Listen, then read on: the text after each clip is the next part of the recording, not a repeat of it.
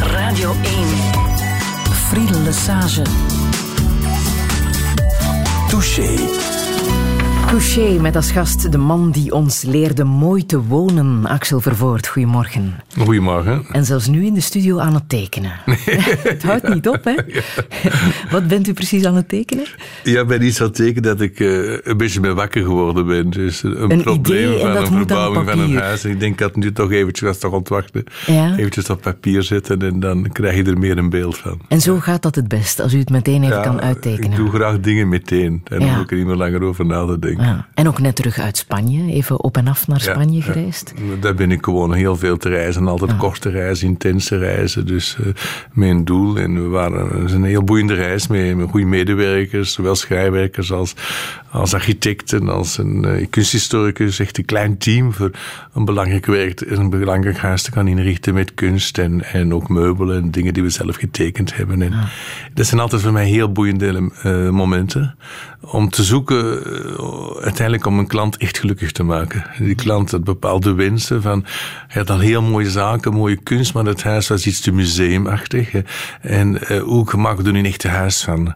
En in voorrang ging nu, doe je nu maar alles, zelfs als de schilderijen weg moeten, maar we willen het gevoel hebben van een ingeleefd, lekker gezellig huis. Eh, Hoe zou u zichzelf omschrijven? Dat is verschrikkelijk moeilijk, ben ik al 40 jaar over aan het nadenken. Ja? Eh, Als men vraagt wat is uw beroep, eh, ik doe zoveel dingen. Ik, eh, ik ben natuurlijk begonnen met als antiquair, maar heel vlug was ik ook al met moderne schilderijen bezig en moderne kunst.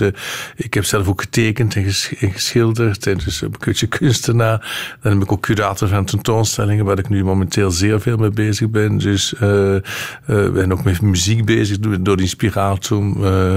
Eh, ja, ik weet het niet goed. Ja, hoe moet je dat nu Decorateur, noemen? dat hoort dat niet zeker graag. Dat is het enige wat u niet graag Nee, hoort. Nee, nee, omdat ik, dat, dat is juist de approach die ik niet wil hebben. Dus het is echt een, een decoratie. En misschien heb ik ook een misbegrip van het woord. Van voor sommige mensen begrijpen het woord decorateur misschien helemaal anders. Dat het wel heel positief overkomt. Maar ik had altijd het gevoel, als mensen het over mij zegden, dat het iets negatiefs betekende, omdat het meer de oppervlakte bereikte. Het is met, met veel effecten iets modisch doen, en dat, dat plezeert. Ja. En eh, dat probeer ik echt te vermijden.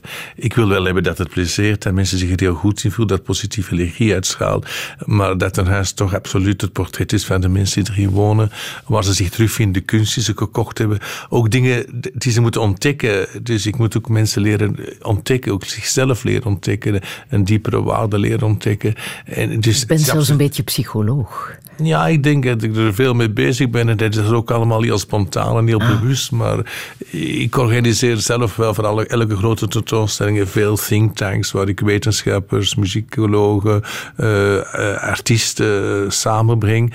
Dat we over bepaalde thema's spreken. En daardoor vind ik ook makkelijker woorden aan mijn klanten en vrienden en dingen iets uit te leggen. Een man met een heel drukke agenda, dat is duidelijk. Onder andere ook Brava, de laatste kijkdag Ja, eh, ja. vandaag. De kunst- en antiekbeurs hier eh, in Brussel. En eh, u heeft zo net ook eh, in de galerie van uw zoon Boris een Ja. nieuwe tentoonstelling geopend. eh, Leap into the Void, daar gaan we het allemaal over hebben. En ik wil u heel graag verwelkomen hier in Touché met een nummer van Crosby, Crosby Stills, Nash Young. Een heel huiselijk nummer. light the fire. You place the flowers in the vase that you bought today. Staring at the fire for hours and hours while I listen to you play your love songs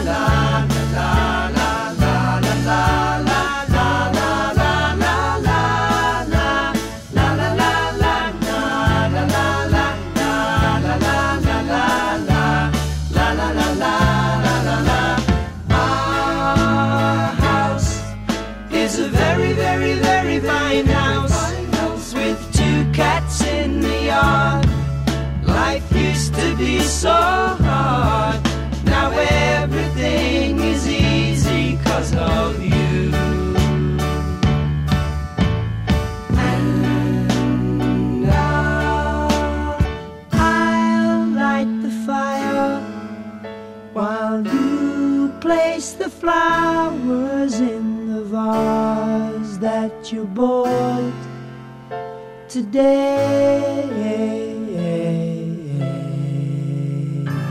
Crosby, Stills, Nash and Young. Our house is a very fine house met een haardvuur dat brandt en bloemen in een vaas en poezen in de tuin. Ja, van een uh, huis een prachtige thuis maken, dat is uw werkterrein. En daar mag ook altijd wat kunst bij. Hè? Dat, dat is ook wel uw verhaal. Ja, maar het is ook geen must. Het hangt ook af van de persoon zelf. Er zijn sommige huizen eh, van mensen. Ik heb eens een huis moeten inrichten van iemand die zei: Ik wil absoluut geen kunst. Ik wil wel een fantastisch huis van goede verhoudingen. Eh, de ruimte moet zelf al kunst zijn, dus de verhouding is heel belangrijk. De verhouding van de ramen, de zichten zijn heel belangrijk. De zichten zijn mijn schilderijen. En daarin wil ik uiteindelijk alleen gebruiksvoorwerpen die heel knap zijn. Dat ik elk gebruiksvoorwerp dat ik ook gebruik, uh, dat het heel mooi is dat dat een stil leven wordt op zich. En dat vond ik ook een enorme boeiende uitdaging. Ja, ja. Maar toch, die galerie in Antwerpen is belangrijk. Hè? Voor Daar... mij wel. Ik zelf zou zonder kunst niet kunnen leven voor mij is kunst een enorme leerschool. Uh, uh, elke kunstenaar leert op een andere manier kijken naar de werkelijkheid. Mm -hmm. dus, en, en, dat is al begonnen bij mij met de renaissancekunst, ook met, met, zelfs met Magritte, die, die me de blauwe hemel heeft leren ontdekken. Uh, bijvoorbeeld Le Stecle Lumière. dat men weet dat elke dag en, en, en, en, en ben, dat er voor het licht opkomt en voor het licht ondergaat, juist dat blauw moment is. En dan denk ik elke keer aan Magritte, dan denk ik, hoe komt het dat dat er al die honderden jaren dat nooit geschilderd is geweest. Maar dankzij mij Giet kijken er toch naar. En wat is daar zo bijzonder aan, aan dat, dat licht? Bleu, zoals men zegt. Dus dat is juist voor... Het is ook het blauw is het laatste kleur dat ons oog kan, bij de, voor de duisternis nog kan capteren. Dus er is een moment, moet je op gelijk, maar zelfs een regenachtige dag zijn. Ja. Net na de zon in zonnegang, voor het echt donker wordt, wordt alles blauw. Gaat u dan naar buiten om Heel vaak. te of ik doen, maar als je natuurlijk te veel elektriciteit aan doet, dan zie je dat niet. Maar als je wat kaarsen brandt binnen in huis en je doet het licht heel laag, of maar nou geen licht, alleen kaarslicht, dan zie je meteen alles blauw worden buiten. Ja. Dat vind ik elke keer een prachtig moment. Mm. Afgelopen donderdag heeft u een nieuwe tentoonstelling geopend, Leap into the Void, in de galerie in, uh, in Antwerpen, in de Vlakensgang. Um, Leap into the Void is uh, een uh, werk van Yves Klein uit ja. 1960. Ja. Dat u heeft geïnspireerd om deze tentoonstelling ja, te maken. Historisch gezien een heel belangrijk moment was als hij die sprong maakte in de ruimte. En dat hij de ruimte zelf dus uh, uh, als een, een, een medium voor kunst beschouwde. Zoals Fontana de derde dimensie creëerde. Dus het doek opende en dan bepaalde ruimte creëert. En zegt uit die ruimte wordt alles teruggeboren. Heel dat concept rond de leegte dat, in het, dat al duizend jaar in het oosten bestond. Maar dat uiteindelijk maar na de verwoesting van de oorlogen en de atoombom in Japan terug heel snel naar boven gekomen is. En dat uiteindelijk een wereldboodschap geworden is. We, we moeten terugkeren naar de, wereld, naar de leegte. En wat ik dan zo boeiend vind, dat die, al die kunstenaars juist na de oorlog, laat jaren 50, 60, als Yves Klein, Jefferijen, Fontana uh, uh, en heel de Gutai-groep in Japan met Shiraga, Yoshihara, dus al die belangrijke, dat die daar zo intens mee bezig waren en dat nu de wetenschap weet dat we allemaal kinderen van de leegte zijn. Dat voor de Big Bang een totale leegte was en dat met de X-element dat gevonden is, dat zo de evolutie gekomen is. En dat die werken waar u altijd zo grote fan van, van bent ja. geweest, nu ook internationaal veel gevraagd zijn. Dat doet ja, wel wat. Ja, dat doet me heel veel ook, maar ik ben ook altijd iemand die heel intuïtief geleefd heeft. En uh, als ik begon met de vlakzang te komen, was ik maar 21 jaar in 68. En, en dan heel snel daarna mijn chefferij leren ontdekken. En die heeft me dus enorm geïntroduceerd in heel dat concept van de zero-kunst en de leegte. Maar kan je dat dan omschrijven? Ja. Dat zijn werken met ofwel één kleur? Of, of kan u dat omschrijven ja, ja, voor de niet-kenner? Het is moeilijk. Hoe moet ik het nu omschrijven? Ik denk dat de reactie gekomen is, zowel in Japan als bij ons, dus na de totale verwoesting, dat de mens te ver gegaan is met zichzelf uiteindelijk te verwoesten, met een atoombom uit te vinden, dat er miljoenen mensen meteen doodgaan na de Eelde Oorlog. Dus kunstenaars zeggen, alles is verwoest, onze cultuur is verwoest, onze maatschappij is verwoest, wij moeten van nul terug beginnen. Dat nul startpunt dus van niets is te beginnen. En dat Jefferij had het altijd uit, het, uit het, ons prachtig woord, het Nederlandse woord volledig. Dus wij zeggen niet iets volledig, zeggen we heel makkelijk. Nu durf ik dat al maar nooit meer zeggen, maar vol, het is eigenlijk vol van ledigheid. Dus het is de, als de oorsprong der dingen. Wat nu de wetenschap ook weet. Dus wat Fontana zei, dus we weten in waar we toe groeien. We bouwen aan een nieuwe maatschappij. Wat moet ik nu nog gaan schilderen na heel die verwoesting? Dus ik heb mijn vlakke doek, en of dat doek nu rood, wit of zwart is, het is een, een ruimte, een concept tot speciaal, een speciaal concept dat hij creëert. Hij opent met een doek. Dus hij pijnigt ergens het doek, maar zoals elke geboorte ook pijn geeft. En daar geeft hij een ruimte door, die uiteindelijk die geboorte is naar een nieuwe maatschappij, naar een nieuwe wereld, naar een volheid van leegte. Ik heb in ons archief een fragment teruggevonden met Jeff Verheijen en Fontana. Uh, een fragment waarin um, Fontana een werk van Jeff Verheijen bewerkt. Ja, moet maar eens luisteren. Een heel belangrijk element. Meneer Verheijen, hoe gevoelt gij u op het ogenblik dat uw vriend Fontana uw werk had onderwerpen aan een plechtige besnijdenis of perforatie? Gelukkig. Gelukkig. Ja.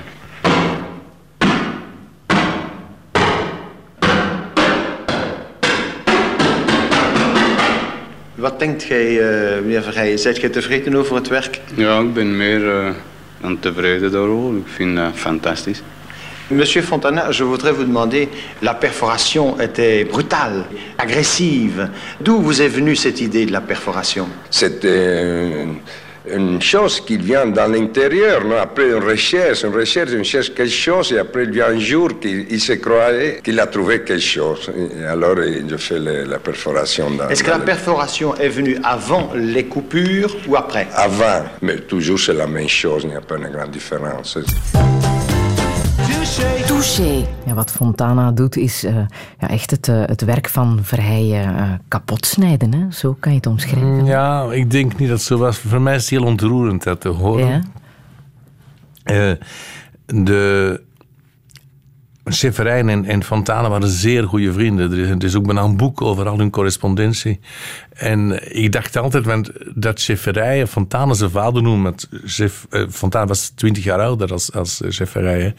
Maar het is Fontana die eigenlijk chef zegde mon père omdat Chefferij zeer belezen was, wist heel veel over esoteriek, over tempeliers, over sacrale verhoudingen, over, over heel veel. Was, en, over gulden sneden, over... Uh, had hij ook al de boeken, al die boeken moest ik ook aan hem lezen. Dus ik bracht ik ook regelmatig mee. Ik moest er dan ook over schrijven, als hij het van Frankrijk woont. En als ik niet op tijd had geschreven, dan, zou, dan telefoneerde u, ja? of blijfde een brief. en dat en hij deed u ook reizen. Hij deed mij ook reizen, hij deed mij ook schrijven, nadenken nachten met veel wijn discussiëren over bepaalde elementen. Ik ben er zeer veel dankbaar voor. Hij heeft mij enorm geïnitieerd daarin. En, en ook dankzij ook, uh, dokter Makke, die ook al lang geleden overleden is, was ook een van mijn andere leermeesters die een grote verzamelaar was van Oosterse kunst. Die me heel veel heeft laten inzien wat eigenlijk Oosterse kunst betekent. En wat eigenlijk verschil is tussen Chinees, Japans, Koreaans. Uh, uh, en ook die zoektocht naar de leegte. Maar de zoektocht naar de leegte in het Oosten is natuurlijk veel ouder dan, dan, in, uh, dan in onze westerse beschaving. Hè? En eh, dat is juist, dat vind ik zo boeiend en dat heb ik ook heel mijn leven verder te waar die dingen elkaar tegenkomen, waar die elkaar uh, uiteindelijk, uh, uh, uiteindelijk hetzelfde zijn. Die universele sleutel die altijd terugkomt en wat je, waardoor je toch de dingen dan ook dieper begrijpt. Mm. Maar die vriendschap van Fontana was zeker niet om het schilderij van Jeff kapot te maken. Uh, Zo het, zien mensen het misschien wel. Ja, maar dat is het zeker niet. Het is het eigenlijk een nieuwe dimensie te geven. Mm -hmm. Uiteindelijk, die, want die geste die hij doet van het perforeren, komt buiten hemzelf. Dus als een samurai die uiteindelijk met zijn zwaard slaagt. Dat is een kracht, het is een kosmische kracht die door hem vloeit. En daarom herken je ook dat een fontane niet de fontane is. Omdat het zo spontaan is. Het is bijna niet nagedacht. Gewoon doen. En ik denk dat kosmische extra dimensie die het werk van Schefferij kreeg door zijn grote vriend uh, uh, Fontana, is als een enorme vriendschap van twee mensen tezamen die samen eigenlijk echt iets realiseren. Ik denk dat voor beiden een heel belangrijke, boeiende ervaring geweest is.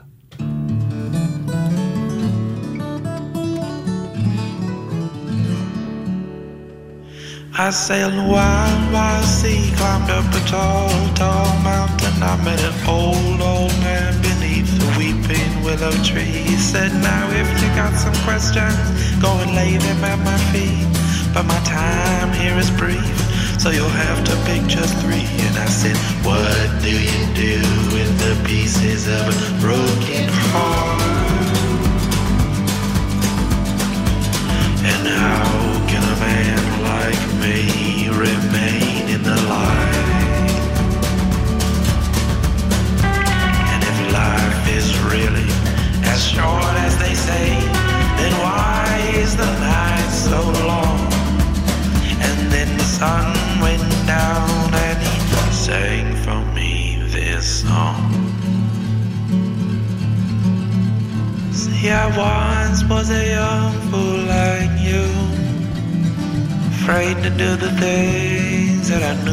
Had to do. So I played an escapade just like you. I played an escapade just like you. I sailed a wild, wild sea, climbed up a tall, tall mountain. I met an old, old man. He sat beneath a sapling tree. He said, Now if you got some questions, go and lay them at my feet. But my time here is brief. So you'll have to pick just three. And I said, What do you do with the pieces of broken heart?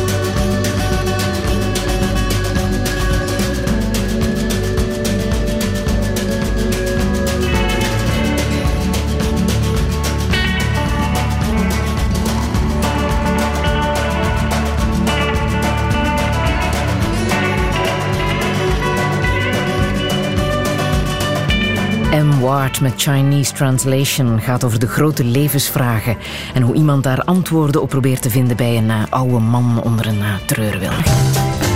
Radio 1. Touché. Axel Vervoort, ik wil even met u terug in de tijd met een uh, fragment uit uh, het programma Boeketje Vlaanderen. Mm -hmm. Het gaat over de stadsontwikkeling van Antwerpen na de Tweede Wereldoorlog. Na de oorlog werd de kaalslag en bouwwoede in het hart van de steden zo groot dat men beweerde dat er meer werd vernield tijdens de jaren 60 dan in alle oorlogen bijeen. Begin van de jaren 70 begon het tijd te keren. Vernieuwbouw werd de nieuwe mode. Gelukkig, want zo werden Vleeshuis en Vlaaikensgang, om er enkele te noemen, gered door ze te restaureren. Touché. Ik zie u knikken, zo was het. Hè. Er is ontzettend veel afgebroken en heropgebouwd na de oorlog. En begin jaren zeventig was er de vernieuwbouw, dat was de ja. nieuwe mode. En zo is de Vlakensgang gered. Wat er ja. toen in Boeketje Vlaanderen niet is bijverteld, is dat u dat was, hè, die de Vlakensgang Dank heeft gered. Dat is, uh, dat is een prachtig moment. Ik zelf was natuurlijk heel jong, 21 jaar, ik studeerde nog. En, en ik mijn moeder die was wel geïnteresseerd in oude, oude huizen te redden, langs de Conscienceplein en zo. Die is dan aan kunstenaars liet bewonen. En die dan ook mee gerestaureerd werden met een klein budget door die kunstenaars. En dat vond ik buitengewoon boeiend. Daar was ik echt door gefascineerd. Mijn vader was het altijd wel niet volledig mee akkoord, maar soms wil je dan ook je moeder gaan verdedigen. En, en, en we vonden dat allemaal fantastisch. En zo dacht ik, ik wil echt ook wel ergens een mooi groot huis gaan. Uh, uh, als ik beslist had van toch een zaak te beginnen te stoppen met mijn studies. Uh, restaureren en kopen. En zo heeft mijn moeder tijdens ik in het leger was, uiteindelijk de Vlakkerscheng ontdekt die te kopen was. En daar wou ik dan een paar huisjes kopen, maar ik moest de volledige straat kopen. Ja. Dus, en ik was er zo door aangetrokken. En uiteindelijk dat toch beslist, als 21-jarige, de dag van Pasen, ben ik naar de twee oude juffrouwen, een van 86, ander van 93 gegaan, die de vlakkenschenger die erft van hun ouders. Maar ze hadden er nooit naartoe gegaan, want hun papa had gezegd, uh, dat is een heel slechte buurt. Ze hadden altijd iemand anders gestuurd om de huren te gaan ontvangen. En die, met die mensen, dat is een, een, een herinnering die ik nooit zal vergeten, uh, heb ik dan de vlakkenschenk gekocht. Maar wat was dan volgens uw moeder um, het geheim van, van die plek, dat ze dat ja, zij had een heel keuze gemaakt van verschillende dingen die te koop waren, waaronder de vlakkenschenk. Zij was daar ook verliefd en ik kwam daar binnen en ik was absoluut enorm verliefd. Want hoe zag het eruit op dat moment? Een enorme ruïne met sommige plafonds die van het derde verdiep tot op het gelijkvoets lagen. En dan bepaalde kleine huisjes die nog heel mooi bewoond werden door heel oude mensen. Die, het ene die dan het super onderhield en de andere dat echt verschrikkelijk vuil was. En er was een enorme verschil. Het was niet zo'n binnenstad weggestopt achter een, een, deur aan de Oude Korenmarkt. Het was een fascinerende wereld, zo'n klein dorpje op zich, ja. in het midden van de stad. Maar dacht u, hier zullen mensen in geïnteresseerd zijn als ik dit renoveer? Uh, gaan mensen hier denk echt ik willen nooit. wonen? Ik, veel, ik, vind, ik denk altijd, wat dat nu met kunst is of met huizen, ik ben, ik ben gewoon zo fascinerend. Ik wil het redden. Ik, ik voel dat ik er iets kan van maken dat zoveel beter kan worden dan dat het nu is. En, en dat gewoon dan willen doen. En de rest komt vanzelf wel. Ja. En uh, dat was een heel boeiende beleid. Want al die oude mensen heb, ook, heb ik ook taken gegeven. Die, die droegen mij ook op hun handen. En uh, de meesten zijn daar ook gestorven, één voor één. En uh, dat, dat was een heel boeiende belevenis. Ja, maar u was 21. Wat deden uw uh, leeftijdsgenoten op dat moment? Het was begin jaren 70. Ja, die, die deden natuurlijk, die gingen meer uit. Maar ik ging ook uit, want ik heb ook altijd graag uitgegaan. Maar ik werkte in de dag heel veel en dan ja. ging ik s'avonds ook nog wel uit. Maar als we met de Jesuiten op schoolreis gingen, nog, pas gisteren heeft nog een vriend het aan mij verteld. Uh, uh, ja, weet je nog, 18 jaar, dan gingen we naar Rome. En heel de bus, we hadden nog in plaats van een valies niet meer, want je hebt overal kandelaars en dozen en objecten gekocht. heel de bus vol zat. Maar hoe kwam dat, dat u zo'n grote liefde had voor, voor antiek en, en schoonheid? Ja ik heb altijd graag dingen een betere plaats willen geven. Dus uh, ik ben altijd enorm ontroerd geweest door, door, iets te vinden dat eigenlijk verloren ligt. Dat er door dat een andere plaats te geven ineens fantastisch wordt, spannend wordt, uh, mm -hmm. een nieuwe dimensie krijgt. Want u was wel begonnen aan studies economie, hè? Ja. Met ik heb bij de? Jesuiten gestudeerd, altijd tot mijn 18 jaar. Van het eerste studie tot mijn 18 jaar. Maar tijdens van mijn 14 jaar ging ik al elke kerstvakantie, paasvakantie, groot verlof, ging ik op koopreis. Meestal naar Engeland toen. Hè? En dan kocht ik al heel veel, verkocht ik al heel veel aan de vrienden van mijn ouders. En had ik, als ik 21 was, had ik wel wat middelen om natuurlijk wat huisjes te kopen. Ja, maar de ja. tijd was toch iets helemaal anders. Hè? We Ja. hebben net 68 gehad. Ja, dat was toch wel een beetje golden sixties. Ja? Ja. Alles kon. Alles kon. En, en het was een twee dingen tegelijkertijd. In Engeland was het een enorme decadente periode voor de grote adel, die zeer zwaar belast werd. Die moesten grote stukken van hun kastelen uh, openbaar stellen, National Trust maken. Dus heel veel inboedel moest verkocht worden. Er was meteen veel op de markt, kon heel goedkoop kopen. Ik kreeg een heel goede relatie met al die mensen. Ik betaalde ook heel vlug de dingen die ik kocht. En ik, ze, ze ze riepen mij altijd, er is weer wat te koop, weer wat te koop. En de vrienden van mijn ouders, die vlogen erop en die belden gewoon, uh, wanneer is er nog? En dus ik wilde de eerste bij zijn. Dat was een enorm uh, gevecht bijna om... Ja. Uh, dat, dat, is eigenlijk allemaal heel snel gegaan en goed gegaan. En en ik, kocht, ik studeerde ook heel veel over al hetgeen dat ik kocht. Ik kocht er ook al de boeken voor. Mijn ouders hadden ook verschillende vrienden die verzamelaars waren. Ik ging daar ook naartoe, uren over spreken, om de dingen echt te bekijken. Wanneer is iets vals, wanneer is iets echt. Uh, waarschijnlijk zeer boeiend, maar ik kocht altijd eerst op mijn intuïtie en daarna nadenken. Was het ook die sfeer bij jullie thuis die dat heeft aangewakkerd? Uh, ja, zeker wel. Ja. Uh, mijn ouders woonden in een klein huis, in de tuin gebouwd van mijn grootouders. En dat dan allemaal straten geworden zijn aan de kant van het rivierenhof in Borgerhout. Maar het was een supergezellig huis met open haarden. En dat mijn moeder elk seizoen totaal veranderde. In de, in de zomer was het heel met witte hoezen over alle banken, geen tapijten, rakot en vloer. Als al hun andere vrienden nog geboende parket zaten en zo. Het was nogal heel avant-gardistisch erin.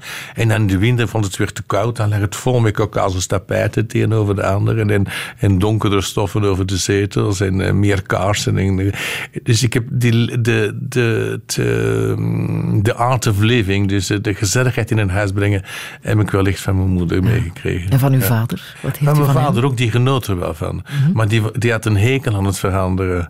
Dus alles mocht veranderd worden, behalve de stoel van mijn vader. Hij was paardenhandelaar. Was paardenhandelaar. Heeft u daar iets aan overgehouden? Aan... Ja, ik rijd nog elke dag paard. Dus uh, als ik in België toch ben en ik heb een prachtig paard en uh, ik hou heel veel van paarden. En, ah. uh, ja. Maar ik heb toch niet de passen zoals mijn vader. Mijn vader leerde voor paarden. Die zou ik s'nachts kunnen maar bijslapen als hij dacht dat er een paard een beetje onwel was of zo. Dan, dan, ja. Ja, het was ook die sfeer, dat, die is ook voorbij, denk ik. Hè? De, de grote paardenhandel. Ja, dat waarschijnlijk wel. In die tijd, ja, ik denk dat mijn vader wel honderd paarden per week verhandelde. Ja. Ja.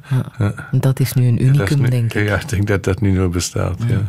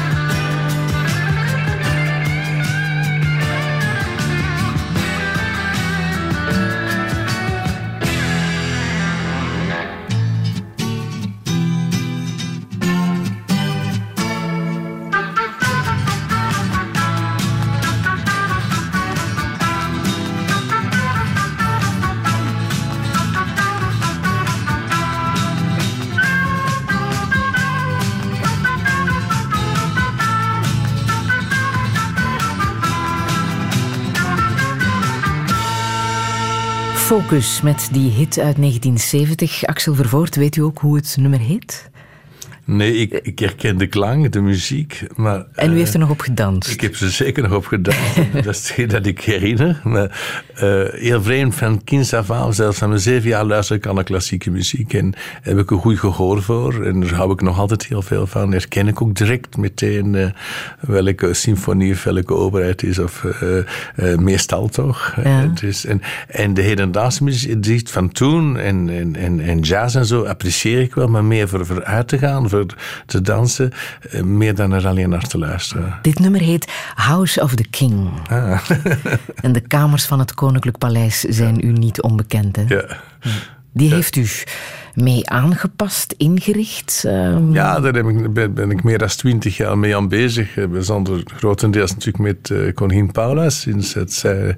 eh, maar wij kenden koningin, als ze nog prinses Paula was en prins Albert, eh, hebben we al samen meegewerkt aan Belvedere, ook aan het kasteel Vanf en dan eh, eh, eh, ook de, paleizen dan. En koningin Paula had enorm veel smaak en die, om, om die huizen terug levend te krijgen. Zeker niet protserig, maar heel menselijk, heel gewoon, landelijk, eh, charme te geven, haar Het te lijkt laten mij branden. een moeilijke opdracht, want daar is zoveel rijkdom en, en schoonheid dat u niet even aan de kant kan schuiven natuurlijk. hè. Nee, maar dat die dingen dan ook weer terug een, een goede plaats Bijvoorbeeld de 19e-eeuwse overdone, vergulde dingen in paleizen bij het terug in de 19e-eeuwse vertrekken gezet. En uiteindelijk de soberdere meubels hebben terug in de oorspronkelijke 18e-eeuwse vertrekken gezet. En dat was een heel boeiende belevenis ook om met zo weinig mogelijk geld en, en dingen te doen die voor de toekomst zijn, die 50 jaar mee gaan gaan. Met altijd heel bud- budgetwijs nagedacht, met grootste respect. En ik moet zeggen, ik moet daar heel veel dankbaarheid voor hebben aan koningin eh, Paula natuurlijk ook koning Albert, die ze de kans heeft gegeven. En ik denk dat het hele Belgische volk daar heel dankbaar moet voor zijn. Eh, wat onze koningin als uitstraling ge- gegeven heeft eh, aan al die prachtige paleizen, waar we toch heel fier mogen op zijn en waar de heel de wereld van leidende functies toch komt nog kijken. Zou u daar zelf kunnen wonen in het Koninklijk Paleis?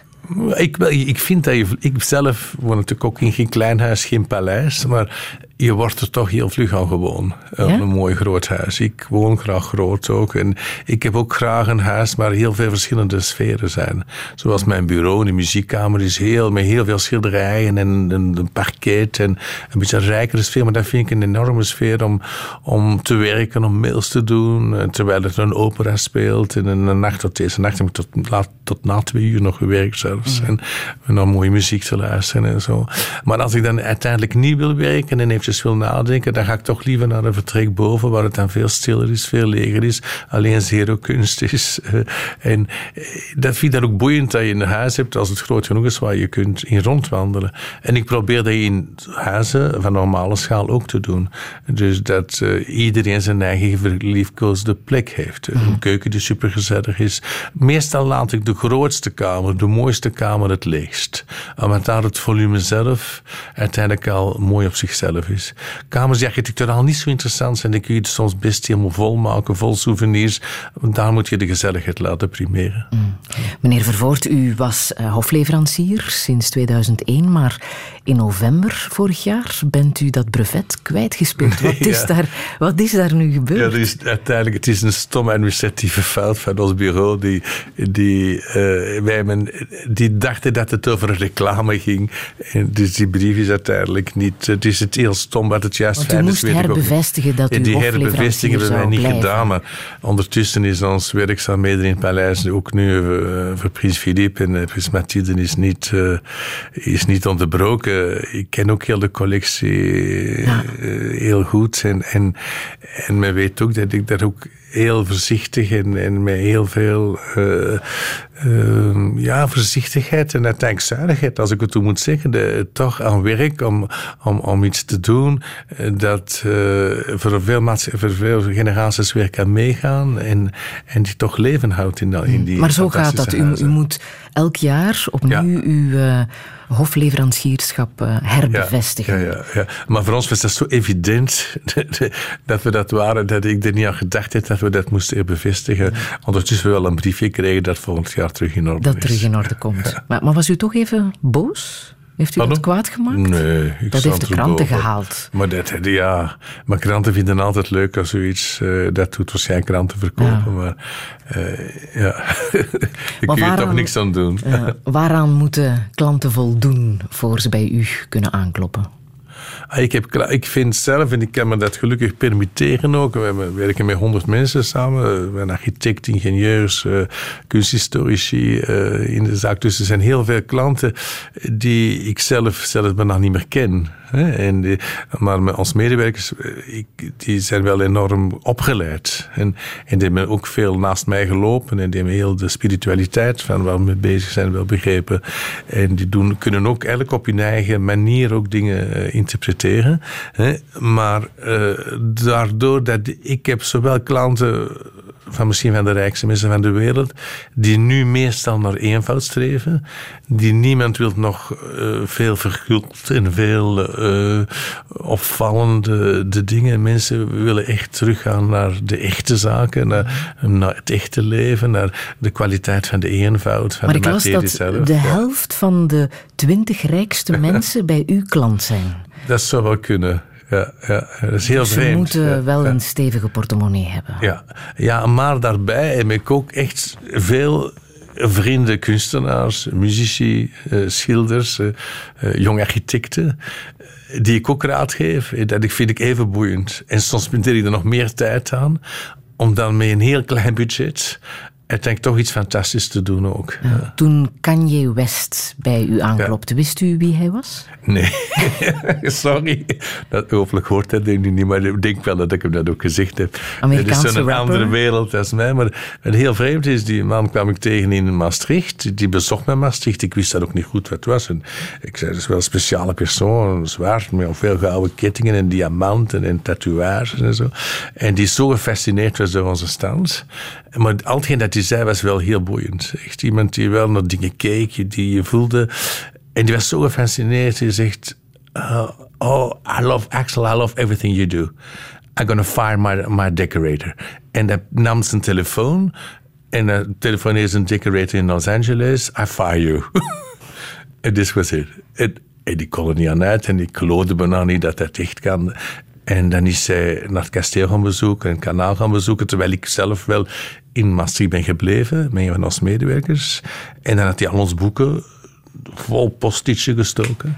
En heeft hij gezegd, oké, ik wil dan toch hebben dat je mijn huis doet. En dat was dan eerst een huis in Parijs. Uiteindelijk is nu ook de grote villa. Dat zijn plezierige verhalen, eigenlijk. Want hij had zo'n enorme villa gekocht in Los Angeles. Zo heel fake, met kolommen en penton en, en gekruld ijzerwerk en vergulsel. En hij liet die foto aan mij zien en ik denk, oh wauw, wat kunnen we daarmee doen? En drie weken na datum stuurde hij mij een foto op van een skeleton alleen nog een beton en houten skeletsel. I reaped everything. You can do what you want. Wist u dat u wel eens een cameraman in elkaar heeft geslagen? Nee, dat weet ik niet. Ja, ja, deze week zat hij ook in het nieuws. Uh, hij heeft een minderlijke schikking getroffen van 250.000 dollar hm. met de tiener die hij heeft aangevallen, die Oei. een woordenwisseling had gehad met ja. zijn vrouw. Het is dat soort man. Stoort u? Nee, maar zo, voelt je hem helemaal niet aan in tech. Dus ik, ik, ik geloof ook niet altijd wat er zo in de pers van die dingen verschijnt. Maar dat sensatie is, dat doet veel pers verschijnen. Ik kan me dat moeilijk inbeelden als ik die man zo... Die is zeer uh, ingesteld om goed te doen. Die wil zeer nuttig zijn voor iedereen. Daar mm. hebben we het ook trouwens heel veel mm. over. Maar zijn muziek is denk ik niet uw muziek, hè? Niet direct mijn muziek, maar zijn visie. Hij wil uiteindelijk een droombeeld geven aan de jeugd. Hij wil ze over de top brengen ja. uiteindelijk. En dat wil, er wil ook een voorbeeld in zijn. En daarmee, we praten ook heel veel, filosoferen heel veel. Om over waar zit echt de kracht. En, en ik moet zeggen, ik zeg, Kanye, I've got to bring you back to earth. Ik moet je terug met je voet op de grond brengen. We, moeten, we, we hebben nu ook zelfs een huis voor hem getekend waarin hij reist. Wat hij altijd doen. En dat, ik heb gezegd, nu zou je elke keer dat met lokale aarde moeten schilderen. Dat je echt terug beest en dat je eigenlijk terug beneden komt. Als je die, die bovennatuurlijke hemels creëert, is het voor jezelf heel belangrijk dat je eventjes terugkomt met je voeten op aarde. Ah. En dat apprecieerde hij erg, dat we ah. er zo over spreken en dat zijn huis ook zo wordt en dat het ook een familiaal huis wordt, dat het helemaal geen show-off huis wordt, dat een, een huis wordt waar je heel gezellig gaat in wonen, waar je een lekker keuken hebt, waar je met de kinderen aan tafel kunt zitten, waar ruimte is voor een speelplaats eh, enzovoort. Ah. Uw muziek is eerder de klassieke muziek, zeg ik wel. Uh, en dan bent maar ook u... wel hedendaagse. Mm -hmm. ja. mm. um, maar u bent een vaste bezoeker van uh, de Salzburger Festspelen, hè? Vroeger meer als nu.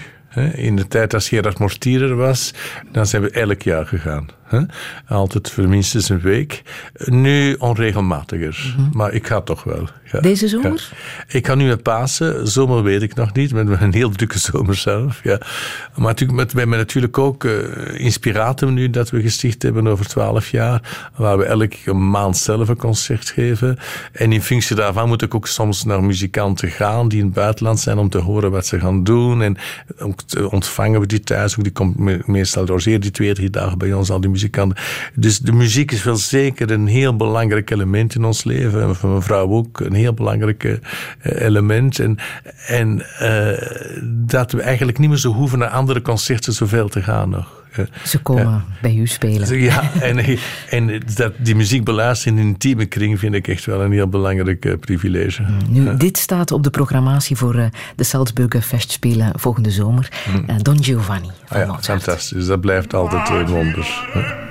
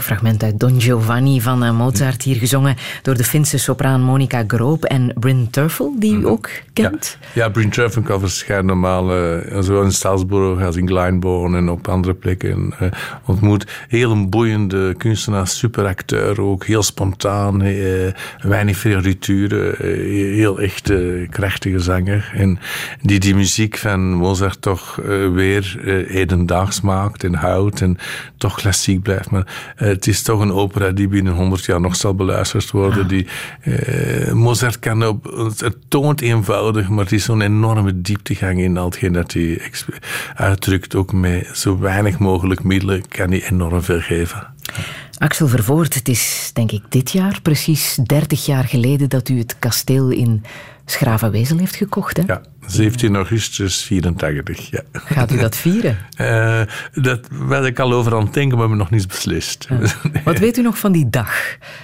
Dat u het heeft gekocht. Ah, ja, dat is wel een, een vreemd verhaal. Want het kasteel uh, men had al twee maanden aan mij gezegd dat het kasteel te koop werd. En, en ik dit even niet kan kijken, want ik had schrik. Uh, dat ik echt verliefd ging op worden. En ik dacht, we kunnen toch nooit de vlakenschenk uit. Uh, we zochten een klein huisje met een grote grond van een tuin te maken, voor paard te kunnen rijden, voor, van natuur te genieten voor het weekend. Klein huisje. Ja, dat was de bedoeling. Hè? En ik denk, ja, en dan gingen we naar grond, van de gronden daar niet apart te koop waren en zo. Maar uh, als ik dan het kasteel zag na een accident en die dingen. U heeft echt een accident gedaan, hè? Om, ja. uh, om er toch te kunnen Ja, ik ging er naartoe spontaan zonder na te denken. En voordat ik eraan kwam, denk ik, nee, ik ga er niet naartoe.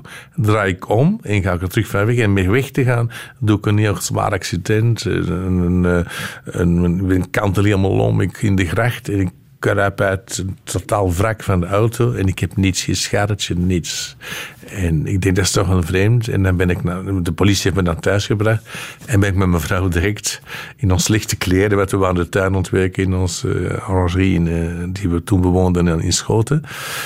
Het, het kasteel gaan bezoeken. En we zagen het, hebben elkaar in de ogen gekeken en gezegd, ja, dat is het. Dus het was verkocht, emotioneel. Als we twisten volgde, de, ja, het is echt iets unieks. Het was ook sinds 1728 nooit meer verkocht geweest. Dus het was ook dan nog veel, veel gronden aan. De uitzichten waren fantastisch overal. En dan zagen we het binnen, dat vonden we heel lelijk. Het was helemaal uitgeleefd en heel veel veranderd in de jaren 60 in de Louis XVI-stijl en zo. Maar ik denk, oh, dat maken we wel goed. De omgeving is toch iets echt uniek. En uh, maar uh, uiteindelijk hoorden we zeggen, hadden ze een optie opgegeven en twee maanden, het is niet meer te kopen. En dat vonden we zo jammer.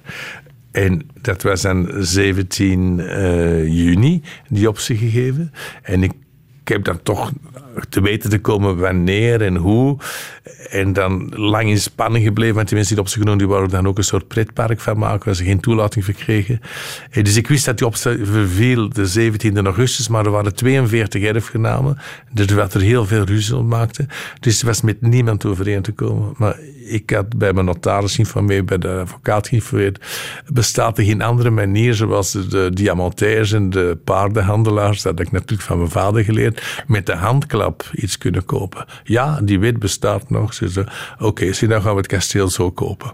En de 17e augustus 84 om vijf uur, s namiddags, heb ik al mijn medewerkers, mijn vrouwen en nog familie uitgenodigd op het kasteel. En, die en ik had gewoon een afspraak met de verkopers gemaakt.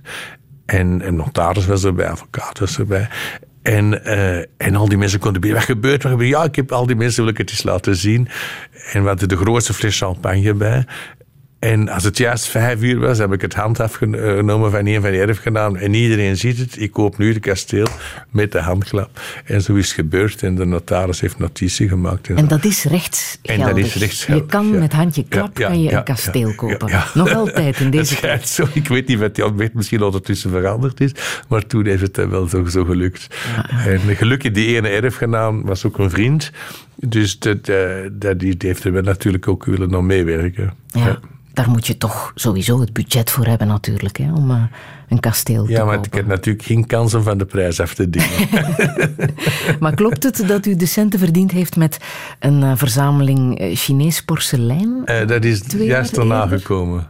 Of daarna? Dat is daarna, dat was als een... Uh, nee, uiteindelijk had ik die collectie gekocht van Chinees porselein, van de, de, Captain Hatcher, die had dus een grote vracht ontdekt goud en zilver, waar ook... Uh, 12.000 stuks minkporselein op zaten in een boot in de Zuidzee uh, van China. En een gezonken boot. Een gezonken boot. Een boot die gezonken was in 1622. Hè. En uh, die, die heeft hij terug opgehaald. Hij werd geveild in Amsterdam. Maar dat was in april uh, 84, het jaar van het kasteel. En dat was ik met een Amerikaanse klanten naar Dallas, waar een groot huisje voor antierichten waren. En die wou daar stukken kopen. En ik werd ook verliefd op die stukken. Omdat die zo spontaan getekend worden was als moderne kunst eigenlijk geboord was, een soort action painting. En dat ik daarna dacht in deze Chinese kunst dat het veel verfijnder, maar veel aarzelender en imiterender gedaan. En dit was echt spontaan. Uh, dus er waren echt geen twee gelijke stukken. En ik begin veel stukken te kopen. En we hadden wel het, de, het supergoed voorbereid. Dus we wisten of er goede stukken waren of slechte stukken waren. Maar dat was een enorme investering. Ik had nooit dat durven kopen als ik wist dat we het jaar daarna dat kasteel gingen kopen. Maar uiteindelijk is het zo'n enorm succesverhaal geworden. De verkoop in de Biennale van Parijs, in de Ceramic Sale in Londen, dat alle musea, alle grote verzamelingen, dat werd echt verkocht als hot cakes. Het is misschien de verkoopste, de snelste verkoop van die 7000 stuks die, die we ooit hebben meegemaakt. En dat was natuurlijk zeer welkom om de restauraties van het kasteel te betalen. Nou, hoe leefbaar is dat nog in 2014, wonen op een kasteel? Zeer leefbaar. Een zeer gezellig huis. Ja, je moet nog eens komen kijken. Ik ken het, ik ken het. Ik ben zelfs al eens door het Oh ja, eh, juist, kasteel ja. mogen, mogen wandelen. Maar ik denk dat het niet voor alle kasteelbewoners zo evident is hè, om zo'n... Nee, het vraagt veel, die buiten geld dat het vraagt van onderhoud, vraagt het veel persoonlijke energie ook. Je moet Ik ook zag op uw haarden aansteken. website dat u op zoek bent naar een fulltime tuinman en ook naar een inwonend koppel om voor het kasteel te zorgen. Dat is ook echt wel nodig. Ja, we hebben altijd twee inwonende koppels, omdat ze elkaar moeten oplossen. Plus nog andere mensen. En tuinman hebben we wel vijf tuinmannen. Ja, ja, ja, ja. Dus eh, de... En je moet, maar zelf moet je nog heel veel. Mijn vrouw doet heel veel bloemen. Ik ga ook meer takken plukken, eh, de haarden aansteken, kaarsen zetten. Eh, Je, je moet er constant mee bezig zijn om de sfeer erin te houden. En dan is het wel zeer dankbaar. Dan, het vraagt veel energie, maar het geeft je veel meer energie terug. Heeft u contact met andere kasteelbewoners? Ja, tuurlijk. Ja. Ja? We hebben ook heel veel klanten die in kastelen wonen. Ja. Dat is een beetje een specialisatie geworden. eh En kastelen wat zijn dan zo de gespreksonderwerpen? Gaat het dan over... Hoe gaat het met uw kasteel? Nee, nee, ze komen ook te raden natuurlijk hoe dat je zoiets echt leefbaar maakt. Ja, en, eh, ja. Hoe gaat het met uw ecologische voetafdruk? ja, hoe bedoelt u? Eh, Ja, tegenwoordig zijn Ja. alle huizen... eh, Ja, ik, in een kasteel moet je wel leren leven. Ja. Ik zet de savage ook tamelijk klaar. Ik vind dat ook veel gezonder. Eh, wij doen ook, mijn vrouw en ik, wij doen ook warmer kleren aan. Ik wil een mooie salok aan doen s'avonds. En, en, en je steekt de haard aan. Daar, en dan heb je de gezelligheid van de warmte van de haard. En daar ga je bij zitten. Ik vind het veel gezelliger wonen dan zo'n appartement waar het overal te warm is. Waar je een raam moet gaan openzetten omdat, om een beetje lucht binnen te krijgen. Eh, je moet in een kasteel wel leren leven met weinig economie. Dan is het nog genoeg. Mhm, U zit natuurlijk in het vak, u kan uw kasteel goed onderhouden. ehm, maar eh, ik denk dat het u ook pijn moet doen als u ziet hoe onze kastelen verloederen. Hè? Ja, eh, ik kom meestal natuurlijk in kastelen die we dan wel moeten inrichten, die niet verloederd zijn. Hè? Eh, of die daar toch echt iets mee gedaan wordt. En dat komt ook weer mijn passie van dingen te kunnen redden en dingen een betere plaats te geven. En, en, en ook die helemaal bewoonbaar te maken. Eh, dat vind ik wel ongelooflijk boeiend. Dus, Maar als je het vergelijkt met Engeland bijvoorbeeld en de National Trust, wat kunnen Nou. wij daarvan leren? in Engeland, Eng- Engelsen kunnen zeer goed bijvoorbeeld, we zijn pas ontvangen geweest in een heel grote kasteel in Schotland van het hoogste niveau misschien wel. Maar eh, zelfs bij Prins Charles, die, die, die wil ook zijn kasteel helemaal niet erg verwarmd hebben. Dat is heel ecologisch verwarmd ook, meer grondverwarming overal. En de haarden worden aangestoken en in de winter moet je maar warmere kleren aandoen. Mhm, mhm. Maar over het behoud van, van oude gebouwen, kunnen wij dat beter? Kunnen we, kunnen we er iets van leren van de, Eh, van de Engelsen?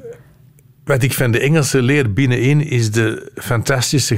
Die maken het wel zeer gezellig en zeer bewoond. En die laten hun Wellington boots staan in de hal. En dit is very lived in. Het toont nooit protserig. Zelfs met de fantastische kunst aan de muur. Wat ik heel jammer vind en wat ik er enorm mis, is de moderne kunst in de Engelse kastelen. En dat vinden we zo boeiend in onze kastelen. eh, Zeker van onze klanten.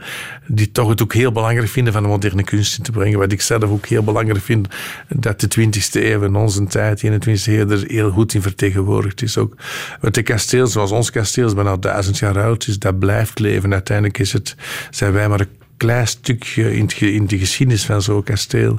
En dat, je voelt dat ook dus in de middeleeuwen, de renaissance, in de gotiek. Dus alle periodes zijn erin aanwezig. En dat eclectisme vind ik zo boeiend. Ja.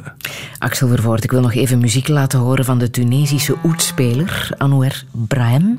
Hij komt op eh, 24 maart spelen in het eh, Kanaal. het kanaal hè, in Ja. Weinigem. eh, en daar kunnen we naar gaan kijken.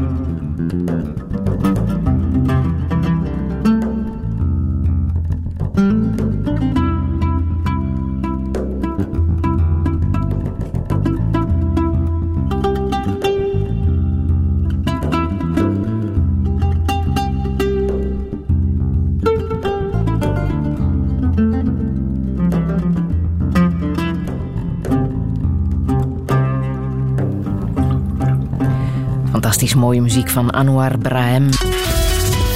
Radio 1. Friedel Lesage. Touché.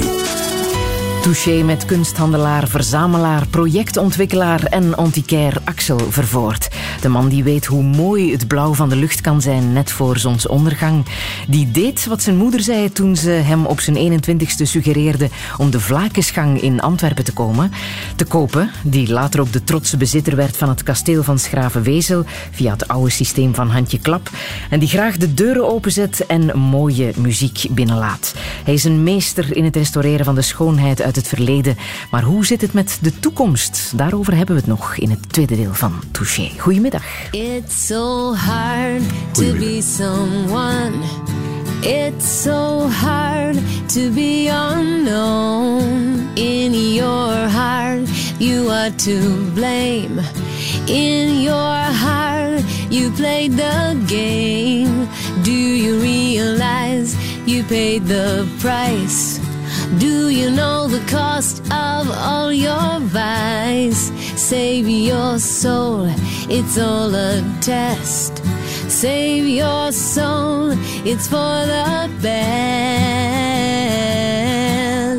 It's so cool to be uncool. It's so right to be unright. It's so good to look so bad. Isn't this the best thing you ever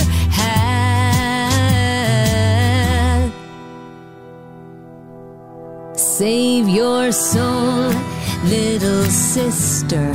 Save your soul, dear little brother. You need hope, says the preacher. Learn to cope, says all my teachers. Do you really know? God's intentions. Do you ever ask what it's all for? We need love, love. We need more, more and more. Prophets are telling us we're near the end. But I am telling you that it's all pretend. It's so cool to be uncool. It's so to be alright. It's so good to look so bad.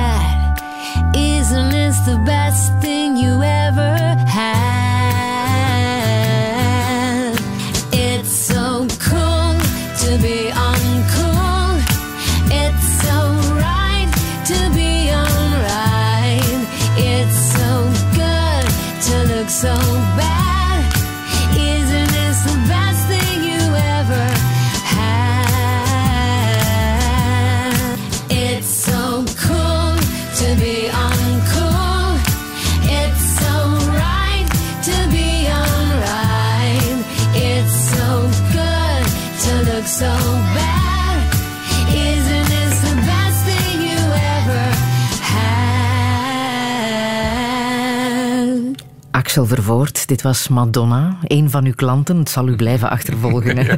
Ze zullen dat blijven zeggen. Ja. Eh, ze zong It's eh, Cool to be Uncool. Heeft u nog contact met haar? Eh, ja, maar niet zoveel meer. Maar toch wel, als we elkaar zien. via goede gezamenlijke vrienden. Katja Mahela Beck. eh, de pianiste die ik wel heel veel contact heb. We hebben gisteren is nog zeker lang nog getelefoneerd. We hebben ook een prachtig project samen in Kanaal. En, en ook met Inspiratum eh, concerten en zo. En zijn ze ook heel dicht bij Madonna. Ja. Zo ben ik ook samen, zal eens samen met haar ook uitgenodigd. En als ze zingt It's Cool to be Uncool, Ja. geeft u haar gelijk? Ja, uh, it's definitely what she wants to be. Vandaag is er de laatste dag waarop we Brava kunnen eh, bezoeken, de kunst- en antiekbeurs in uh, Tourne und Taxis hier in Brussel. Um, u heeft daar net al uw liefde voor Mozart laten blijken. Hm. Wist u dat daar een, een, een, blad van een partituur van Mozart te koop wordt aangeboden? Uh, ja, maar dat had ik moeten weten. Maar ik ben er jammer genoeg zelf weinig kunnen gaan. Ik ben met zoveel andere dingen nog bezig. Maar natuurlijk, heel ons team is daar. En we hebben, ja. we hebben ook een hele equipe van uh, kunstgeschiedenis, doctorgeschiedenis zelf, die, die mee daar op de stand staan. En onze is dat is iets ook dat- zeer goed verlopen. Huh? Is dat iets dat, dat u interessant vindt? Een, een blad uit een... Eh, ja, zeker. Ja. Maar ik vind niet dat dat... Het heeft geen zin dat ik dat zelf voor mijn verzameling zou kopen, denk ik. Ik denk dat zoiets beter naar een echte muzikoloog gaat en in een, of in een museum gaat waar dat ook kan ge- geconsulteerd worden. Ja, ja. Wat er bij u op de stand te zien was, die ingericht is als een soort eh, loft, ehm, is een torso hè, uit Hm? Ja, Fantastische Romeinse tweede torso, eerste, tweede eeuw. Ja. eeuw na. Christus. Ehm. Het ziet er prachtig uit, Ja, ehm, maar als heel ik, het, monumentaal. als ik het zie, denk ik, dat hoort thuis in een museum. Ja, maar dat zijn dingen die ook al jaren, zeker zelfs aan de tijd van Napoleon, al eh, uit eh, Italië verdwenen zijn. En die we uiteindelijk terug een nieuwe plaats geven en redden. En, maar wat voor ons wel belangrijk is, ik heb verschillende archeologen en Egyptologen die bij ons in het bedrijf werken. Eh, wij kopen alleen maar stukken aan die een soort paspoort hebben. Dat we echt kunnen. En die data zijn ook bepaald. Dat, maar dan moet je terug kunnen gaan tot 1980, dan moet je terug gaan tot 1880. Dat, die, die dingen respecteren we ook. De vondsten werken ook heel graag aan mee. En kan, Dus- u, dat, kan u dat echt eh, Ja, er- terugvinden? ja. Of zo'n stuk altijd in privécollecties? In eh, privécollecties, hoe dat het terechtgekomen is in een privécollectie en van voor welke tijd. En dan vind ik het wel belangrijk dat die stukken toch wereldwijd verdeeld zijn. Dat we wereldwijd met goede Romeinse kunst kunnen leven, met goede Griekse kunst, met goede Egyptische kunst kunnen leven. Ook bijzonder in de Egyptische kunst ook, dus die, die de tijd kunnen laten stilstaan, dat je dat fysisch kunt ervaren door met een stuk te leven. Wat natuurlijk verschrikkelijk is, dat die stukken zijn nu zo duur, dat men daardoor eh, de diefstal enorm gaat bevorderen. En daar moeten wij eens enorm mee oppassen. Dus daarom moeten we echt als eh, serieuze kunsthandelaars eh, zeer nauwkeurig nakijken of dat die stukken werkelijk eh, rechtmatig zijn en dat die al voor een x aantal lange tijd al in, in buiten Egyptische collecties zijn of buiten Romeinse Rome verlaten hebben al Ja. veel lang. We kopen veel uit de Amerikaanse collecties, waar dat in de jaren 20, 30 verzameld is geweest. Dus eh, die, En hoe betrouwbaar is dat dan? Ja, maar die dingen echt wel gedocumenteerd zijn, ook in boeken voorkomen en al verwijzen naar die collecties en zo. En is het al gebeurd dat u op stukken bent gestoten die dan toch Tuurlijk. gestolen goed bleken te zijn? Maar, of niet gestolen, niet weten, maar waar geen bewijs is. Verschillende malen. En dat is verschrikkelijk moeilijk, want eh, ik heb eens een groot Egyptisch speel kunnen kopen waar ik totaal verliefd op was. Dat ik niet uit mijn gedachten ging, waar ik s'nachts van wakker ligt. En waar mijn medewerkers het bewijs niet konden voeren dat al lang genoeg uit Egypte was. En dus hebben we het niet gekocht. We hebben een, ander stuk uit Jemen gekocht, een fantastisch stuk, dat ik gewoon heb teruggegeven, omdat we het ook niet hebben kunnen bewijzen. En dat lang genoeg het land verlaten had. Dus, eh, En wat bedoelt u daarmee als het lang genoeg het land verlaten ja, die, heeft? die, Dan... die, de, de- die data zijn, zijn eh, genoteerd, dat is wettelijk bepaald. Eh, Dat moet voor, ik zal zeggen, 1960 of 1980 moet je kunnen bewijzen of eh, dat, dat in welke verzamelingen eh, het geweest is. hè. Ja. Eh, of soms tot 1880 moet je kunnen teruggaan. hè. Ja. Ja. En dan is de enige oplossing, als u dat niet zeker weet, teruggeven. Teruggeven. Ja, want zo'n dingen zijn onverhandelbaar. Ooit moet je die toch terug afgeven. Dan, want dan wordt het ontdekt dat ze gestolen zijn geweest. Moet je ze sowieso terug afgeven. En ik zou dat ook niet willen. eh, van onze naam is dat ook onmogelijk. Ik wil het ook. Als mens vind ik het zelf ook onwaardig. Dat, dat kan je niet doen. Dat kan alleen maar waarde, veel hogere waarde geven dan dingen die wel die pedigree geeft. En de meer raad is, als je archeologie koopt, moet je bij de heel serieuze huizen eh, kopen. Mensen die ook garant kunnen zijn eh, eh, dat die, die dingen een goede oorsprong hebben. Ja. Kan dat ook echt fataal zijn in uw vak? Stel dat u toch een gestolen stuk Ja. of een... eh, Ja, fataal niet, als men echt kan eh, bewijzen dat je dat echt onbewust doet. Maar nu zijn er genoeg middelen om het te onderzoeken. Eh, moest je dat nu vandaag kopen, is dat voor een bedrijf zoals ons wel fataal. Denk ik. Ik denk dat, eh, dat, dat gaan ze niet kunnen. Het wij zijn georganiseerd, we hebben genoeg kunsthistorici om die dingen te onderzoeken. Dus we kunnen niet zomaar iets lichtzinnig kopen. Ja. Uh, er zijn nu ook uh, werken die teruggevonden worden uit de Joodse collecties die tijdens ja. de Tweede Wereldoorlog uh, door de nazi's zijn ingehouden. Um, is dat ook iets waar u gevoelig voor bent? afblijven? Ja, of, ik of... weet, ja, beter afblijven. Als die dingen op die lijst staan, beter afblijven. Hoe mooi ze ook zijn. Mm -hmm. Ja, tot, of je moet echt de moed hebben om daar advocaten op te zetten en gewoon bewijzen hoe ver is dat verhandelbaar of niet verhandelbaar, hoe ver moet je dat teruggeven of niet. Ja. Dat is een heel onderzoek. Onder andere bijvoorbeeld de Schloss-collectie. Ja, ja, voilà. Kent u ja. wel, denk ik. Ja, ja. ja. Hm. Daar heeft u dus een, een werk van gehad. Ja, maar dat is, dat is gelukkig uitgesproken. Dus, uh, maar gelukkig met die dingen hou ik mezelf niet bezig te veel. Omdat ik zoveel, al constant met nieuwe dingen bezig op zoek ben. Uh, met nieuwe creaties, met nieuwe dingen, met tentoonstellingen voor te bereiden. Maar ik zeg u, we hebben een team van 100 mensen waar uh, negen kunsthistorici in zitten. Dus die, die, die hebben ook, dat is ook hun, hun, hun, hun werk en hun, ja. hun vak. Ja.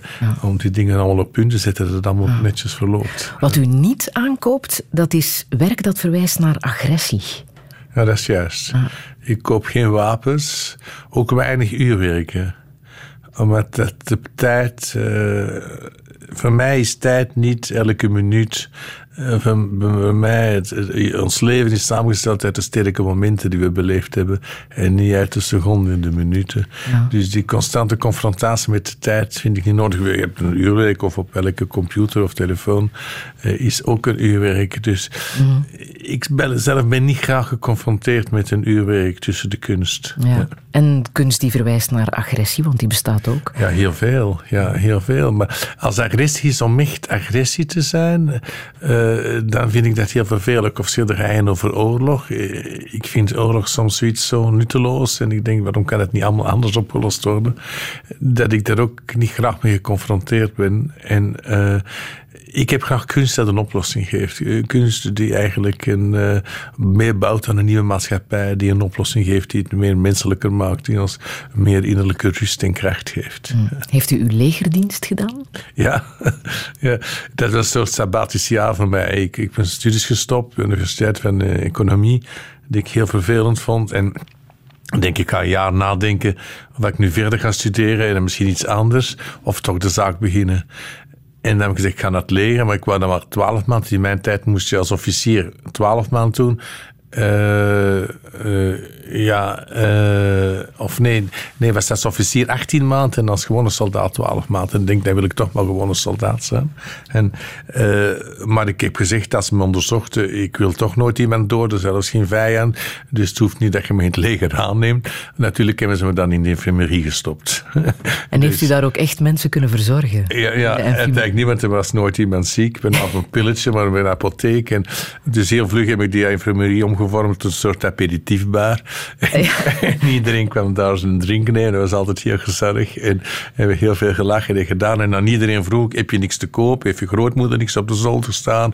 En ik heb daar fantastische dingen kunnen kopen. Ah, ja? jaar van het leger. Ja? Dus toen kwamen ze af met een... Keer kwam er iemand af met een, een zinken emmer vol 17 d zilver. Uh, uh, uh, dan heb ik een schilderij van Magritte kunnen kopen. La Ah, ja? Van Magritte. en nog veel andere dingen. En dan heb ik beseft, ik heb zo goed gekocht. Zeg, ja, ik had toch maar een zaak beginnen in kunst. en heeft u die Magritte nog? Nee, die heb ik toen verkocht dat ik de Vlaggenschijn gekocht heb. Ah ja? ja. En weet u, weet u waar dat werk nu is? Bent u uh, dat is in een museum in Amerika. Ah ja. ja, ja, ah, ah. Dat is een gekend werk. Dat plaatste een hoofd met die bloedvlek en een balkon met twee appels op. Ja. En dat heeft ooit bij u ja. op de heb ik toen 75.000 Belgische frank betaald. in het leger.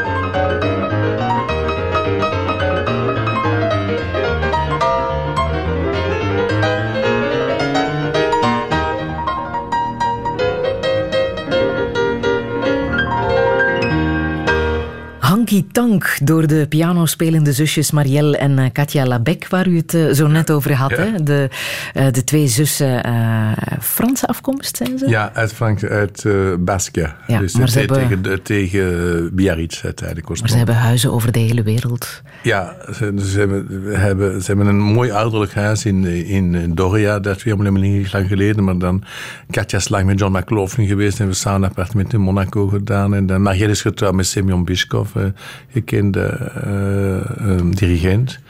En ze had een huis in Londen en, eh, en in Parijs ze een prachtig huis ook. En, en in Florence een prachtig palazzo. Dat we, Werk genoeg voor u. Om daar ook een goede vriendschap aan over te houden. Want dat is wel vaak, hè? Ja, een echte goede vriendschap als broers en zussen. En we, we zien elkaar veel te weinig, eh, maar de band is zeer sterk. Ja, en die vriendschappen, is dat omdat u ja, zo dicht op hun huid zit? Want u richt natuurlijk ook hun Ja, slaapkamer je verstaat in. elkaar goed, je kent elkaar goed, je inspireert elkaar. Je Ja. kunt over boeiende ontwerpers, eh, onderwerpen samenspreken. Eh, ik denk dat dat eh, een goede vriendschap Dat is bijna bepaalt. Ja. onvermijdelijk. Ja. U mag ook Bob zeggen tegen Robert De Niro. Hè? Ja. Dat weten we ondertussen. Dat heeft in de krant gestaan en was ook te zien op televisie in het Canvas-programma. Het blijft in de familie. Hij is zo net 70 geworden ook. Ja, ja. Bent u naar zijn feestje geweest? Ik was wel uitgenodigd, maar mijn collega Tatsuro Miki, die mee die richting doet, die is wel geweest. Maar ik was toen ergens in een ander land ik, waar ik onmogelijk weg kon. En, maar ik was er wel uitgenodigd. Ja. Ja, en u bent daar nog druk bezig? Of is het Heel druk bezig. Ik ben er nu, eh, woensdag ben ik er weer terug. Ja. Ja, want u bent daar het penthouse aan het eh, inrichten. eh, op het dak van zijn eigen hotel. Van Ja, het is een eigen hotel, een fantastische ligging te midden van Tribeca. Je ziet ook de, de river en heel mooi uitzicht tussen de gebouwen. En acht jaar had hij met andere architecten geprobeerd een toelating te krijgen om dit te bouwen. Dat is nooit gelukt. En als dan eh, Robert De Niro bij ons was geweest in Schavenwezen, was hij heel weg van de stijl, bijzonder van die Wabi-stijl. Toen we dan ook het Wabi-boek gemaakt hadden, had hij overal ook weer zijn filmklanten doen dat. Overal post-its en dan zeggen, dat vind ik mooi, dat vind ik mooi. Dat is. En dan weet je direct waar de geest waar ze naartoe willen. En dan heeft hij gezegd, was, probeerde zijn project te maken. En dan zijn advocaat zei, ja, dat is heel weinig kans dat je dat haalt. En, en, dan, werd, en dan hebben wij een project gemaakt eh, en voorgesteld aan de grote Public eh, Landmark Commission in New York. Waar twaalf ingenieurs voor zaten, een ovale tafel. En het publiek was erbij, pers was erbij. En wij moesten heel het concept dat we gingen voorstellen uitdoen. En de advocaat zegt, als je drie op de twaalf votes hebt, is het goed. Eh, dan kunnen we een second appeal gaan. Dus we oh, en begin heel de uitleg te doen, heel het concept, hoe dat we eigenlijk toch iets heel universeels gaan doen. Thinking local, acting very, eh, eh, thinking global en acting very, very local. We gaan echt dingen gebruiken uit Tribeca, zelfs niet uit Chelsea. eh, eh, van wegwerkmateriaal dat we nieuwe waarde geven. Het gaat eruit zien als een oud atelier eh, bovenop het dak. Het gaat helemaal niet te chic tonen, maar het gaat heel sacraal van verhoudingen zijn. Alles in gulden sneden. En we maken een nieuw concept. En, en heel die commissie werd al langer enthousiast. En de ene was eh, positieve reactie. Iedereen moest vijf minuten praten van die commissie. Tweede goed, derde goed, wauw, we zijn er. En uiteindelijk wordt 12 op 12 vo- positieve votes gehad. Wat die jaren niet meer gebeurd was in de Landmark Commission. En zo is het met één zitting goedgekeurd. Ja, en dit is wat Robert De Niro zelf vertelde in eh, Het blijft in de familie. Ja. Het eh, Canvas-programma dat een paar weken geleden te zien was op eh, televisie. Oh, terrific. Axel, a friend of mine, uh, she recommended Axel. She said, you should look at his books. And so I did, and I said, yeah, he's great. And then we met, I forget, when I went to Belgium, I Yes. went to Antwerp, and we had lunch at his house. And uh, I liked his stuff. I thought it was just great and, and pure and carries things further than I've seen with any other kind of this type of, and I'm not even sure what you call it. It's a rustic kind of, uh, uh, you know, he has all kinds of uh, elaborate uh, word Explanations. explanations. for, for me, I just know it's great, you know. so, uh, and, and that's it. So it's a work of art on top of the hotel. It's just great. Touché. Robert De Niro kan het niet zo goed uitleggen. It's just great. Ja, eigenlijk een hele bekwame persoon, maar heel intiem en toch iets heel... eh, Heel bedeesd heeft hij ook eens. Ik denk voor zo'n belangrijke, fantastische acteur. Heeft hij iets heel ingetogen, maar een hele menselijke persoon. Ja, maar kan u het uitleggen wat die wabi-sabi is? Dat eh, gegeven waar u zo graag mee werkt? It's a beauty of imperfection. Het is uiteindelijk een eerbied geven aan de dingen die zijn zoals ze zijn. De, de- het is een soort minimalisme die gereduceerd door de, de kracht in de aarde zelf zit, die niet te veel door de mens gedacht is. Het is de, de, het minimalisme in de natuur al is. Dus het die respect heeft voor de natuur, voor het zijn, voor het, de, gebruiktheid van, van het hout, dat het er doorzacht geworden is. Niets dat met scherpe hoeken in metaal is waar je pijn kan aan doen. Eh, maar eh, dat concept, ja, we hebben er een heel boek over geschreven, met heel veel moeilijk zoeken naar de woorden. Dat is een heel grote opdracht geweest, maar wel heel boeiend, de belevenis. Maar dat concept kan zowel toegepast worden we hebben ook zo het huis van Picasso gerestaureerd. Dat is dan veel puurder geworden en veel grootser. Maar toch altijd met een enorme vorm van discretie, ingetogenheid. eh, Een zoektocht naar het eenvoudige. Zonder dat het. eh, te veel, hoe moet ik nou zeggen, eh, fundamenteel is, te veel wettigheid. Het is eigenlijk meer dingen die op het gevoel eh, Mhm. eh, gebaseerd zijn. Ja, hoe leger, hoe beter. Ja, naar een volle leegte. Dus uiteindelijk de gewone dingen ook bijna een sacrale plaats geven. Ehm, u heeft muziek voorgesteld die volgens mij vertelt hoe zo'n ruimte eruit ziet. Muziek van shakuhachi. Mhm. Dat is de Japanse fluit. Ja. Zeer moeilijk instrument om te bespelen. Een bamboefluit. En, maar het is voor mij een instrument waar een klank echt ruimte geeft. Waar die uiteindelijk ook eh, body aan de leegte geeft. Hè, Men denkt dat het zo in een grote vallei ergens in de bergen eh, gespeeld wordt.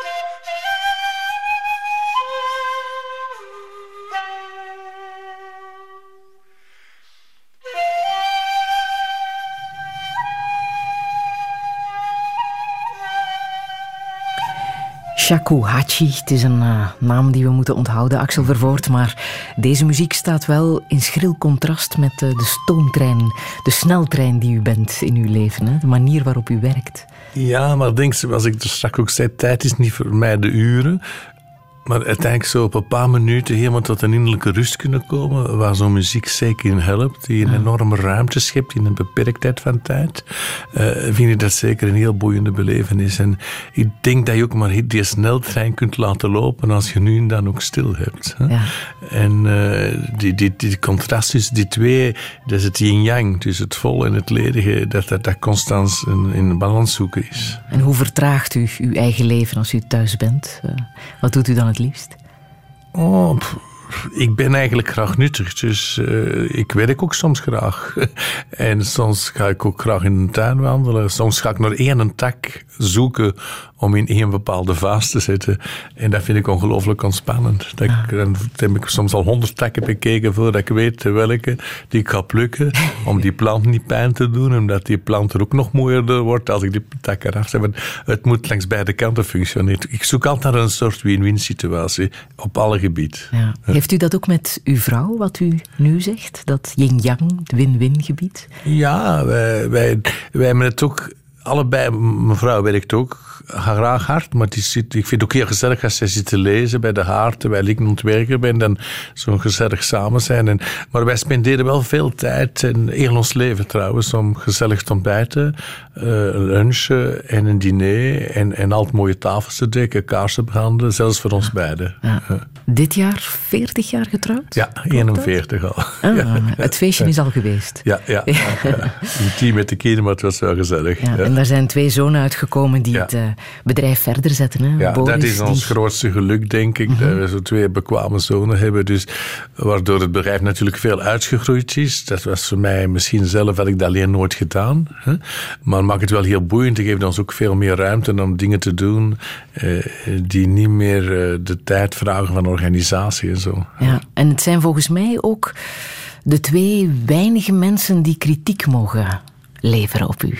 Klopt dat? Nee, dat is niet waar. Ik denk, we, we, we, die zijn heel open. We zijn eigenlijk heel open voor elkaar. En we, we bespreken ook veel dingen. En uh, nee, ik denk dat ze allebei veel kritiek hebben trouwens. Maar dat is heel dikwijls soms heel opbouwende kritiek. Dat is ja. nooit uitbrekende kritiek. Constructieve, ja, constructieve kritiek. kritiek. Want dit is wat we hoorden in het Canvas-programma. Het blijft in de familie, waar ze allebei uh, aan bod komen. Um, daar zei Boris uh, het volgende.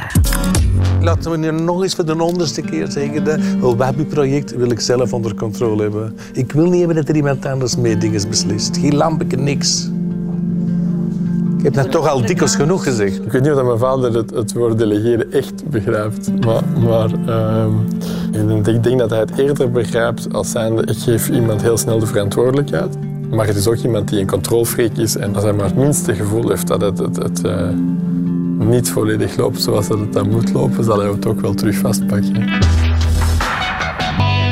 Heeft hij gelijk? U heeft moeite met delegeren? Uh, ik denk dat bepaalde dingen, zoals financiën, een heel belangrijke zaken die Boris totaal onder zijn leiding neemt, die ik ook niet meer, absoluut niet meer nakijk. Maar het is juist dat Wabi uh, gebeuren, de meest een beetje misleidend, dat is altijd dat ze twee dingen al in elkaar knippen. Uh, het Wabi gebeuren is voor mij als een schilderij schilderen, als iets samenstellen. Dat is echt waar, elk klein detail is zo belangrijk dat de geest daarin zit, dat dat juist is. Want dat is heel marginaal dat kan, als het een beetje te veel decoratief is, dan wordt het te kitsch. Dus het moet eigenlijk toch de vorm van een kunstwerk zijn, waar die, die zoekt toch naar die, die eenvoudige en, en die, die rust en dat sacrale er toch blijft inzitten.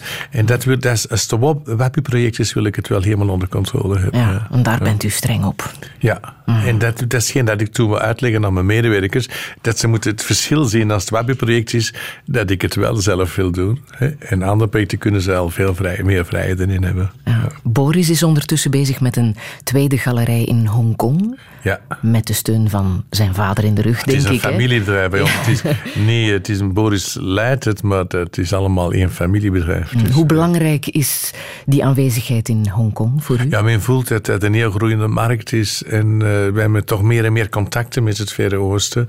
En eh, ook met Midden-Oosten. En eh, eh, het is zeker zeer belangrijk voor, voor dat we nu ons daar vestigen. Omdat die markt nu zeer snel aan het groeien is. Ja. En gaat het dan over geld? Is dat de reden waarom u daar wil zijn? Omdat u voelt dat daar Eh, veel allebei. beweegt? Eh, het is ook dat het eh, financieel zeer interessant is.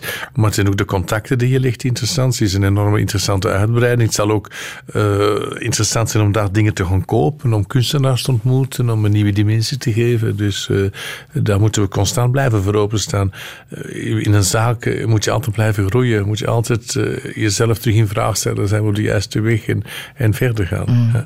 Hoe belangrijk is geld voor u persoonlijk? Eh, ik denk altijd als je de dingen goed doet, komt het geld vanzelf. Ik heb voor het geld zelf nooit eh, direct gevochten. Ik heb altijd wel eh, geld willen verdienen, maar met geld veel te kunnen doen. Om ermee verder te groeien, om, om mooie huizen te restaureren, om dingen mee te doen. En, maar geld om geld heb ik nooit niet zo boeiend gevonden. Ja, Want we hadden het er net al over. Hè? Dus ehm, de helft van de twintig rijkste mensen zijn, zijn klant bij u. Dat is Ja. ook wat uw andere zoon, eh Ja. Dickie, bevestigde in het Ja. eh, Canvas-programma. En daarover zei hij dit.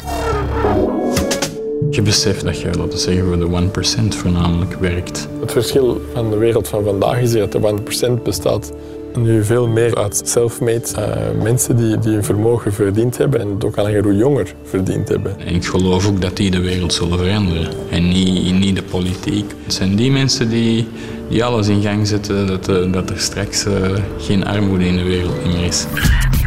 Radio 1. Hebben ze gelijk? De mensen met geld zullen zorgen dat er geen armoede meer is in de wereld? Ik voel dat toch wel, want ik denk eh, veel die mensen die, die, die, die zijn dan ook gigantische bedrijven die er 17.000 of 25.000 mensen verwerken of nog meer. Die, hebben toch, en die voelen zich toch enorm, al die mensen die ik ken die bij ons klant komen, die, die, dat zijn wel mensen die zeer bewust zijn wat ze bezig zijn, die ook een voorbeeld willen zijn voor de maatschappij, die eigenlijk ook zoeken eh, hoe de maatschappij verder moet gaan groeien en hoe dat ze gezond gaat verder groeien. Die voelen zich, dat voel ik heel goed aan, dat die zich daar heel eh, verantwoordelijk in voelen.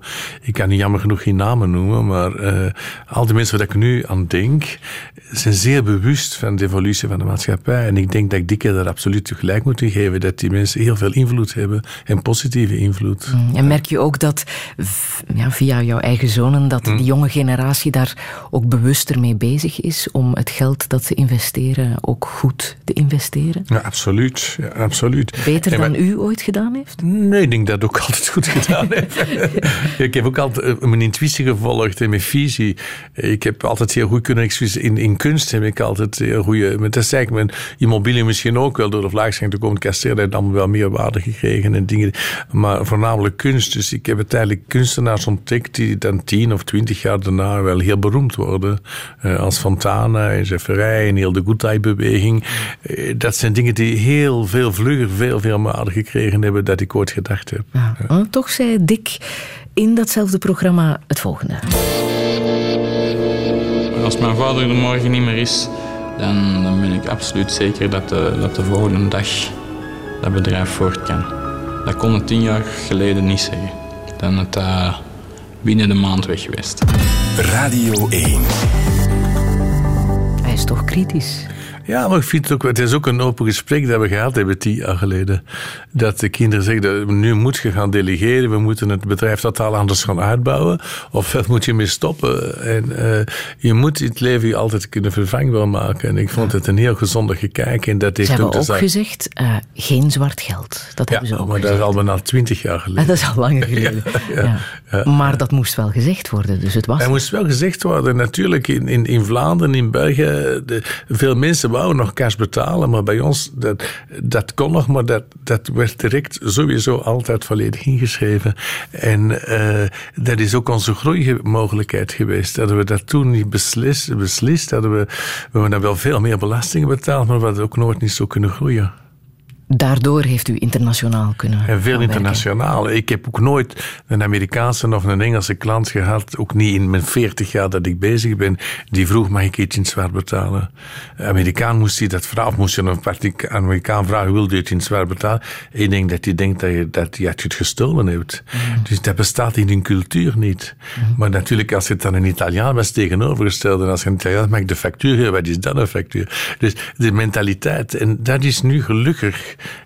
heel de wereld aan, het- aan het ver- eh, unifiëren. Dus dat het wel allemaal officieel is en dat het ook de enige mogelijkheid is om te strijden tegen eh, al het maffiageld en al de drugsgeld. En de, dus dat alles gewoon gekend is. Ja, ja. En maakt het u ook rustig als u weet dat uw zonen het goed zullen verder zetten? Dat, eh, Ja, zoals Dickie zegt, ja. het bedrijf zal blijven bestaan. eh, Tuurlijk, dat wil ook zeggen dat als ik morgen nu beslis, ik stop ermee, dan kan ik dat. Hè, Ik wil alleen nog maar eh, paardrijden, naar muziek luisteren en veel reizen. Dat zou kunnen, maar ik ben nog veel te gepassioneerd om nog dingen te blijven voortdoen. Maar het geeft wel een goed gevoel dat ik, dat ik dat elke dag zou kunnen zeggen. Ja. Ik kan me ook voorstellen dat er ook wel wat jaloezie is. Hoe bedoelt u? Het gaat goed, hè, bij Vervoort. Ah, ja, ja. Heeft u daar veel mee te maken? Daar heb ik altijd mee te maken gehad, maar daar sta ik, probeer ik toch helemaal boven te staan. Ik probeer het ook het goede te wensen voor de anderen.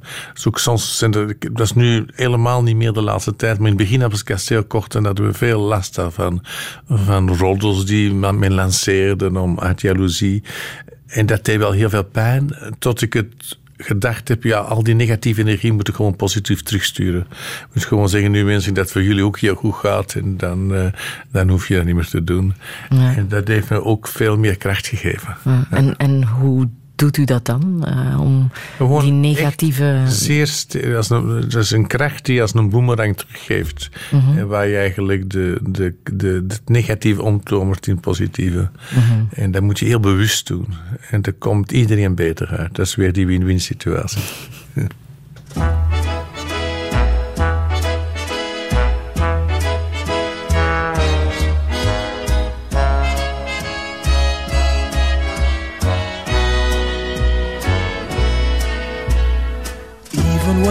darkest clouds are in the sky, you mustn't sigh and you mustn't cry. Spread a little happiness as you go by. Please try. What's the use of worrying and feeling blue when days are long? Keep on smiling through. Spread a little happiness till dreams come true. Surely you'll be wise to make of every blues day. Don't you realize you'll find next Monday or next Tuesday your golden shoes day? Even when the darkest clouds are in the sky, you mustn't sigh and you mustn't cry. Spread a little happiness as you.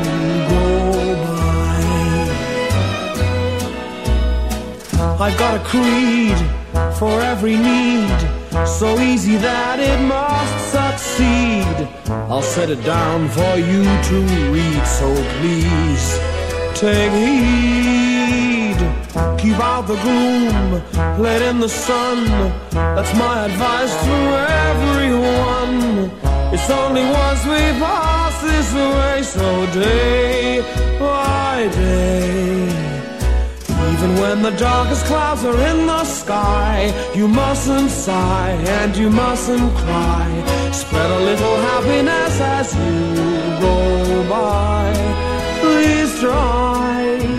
What's the use of worrying and feeling blue when days are long? Keep on smiling through. Spread a little happiness till dreams come true. Surely you'll be wise to the best of every blues day. Don't you realize you'll find next Monday or next Tuesday your golden shoes day? Even when the darkest clouds are in the sky, you mustn't sigh and you mustn't cry. Spread a little happiness as you go by.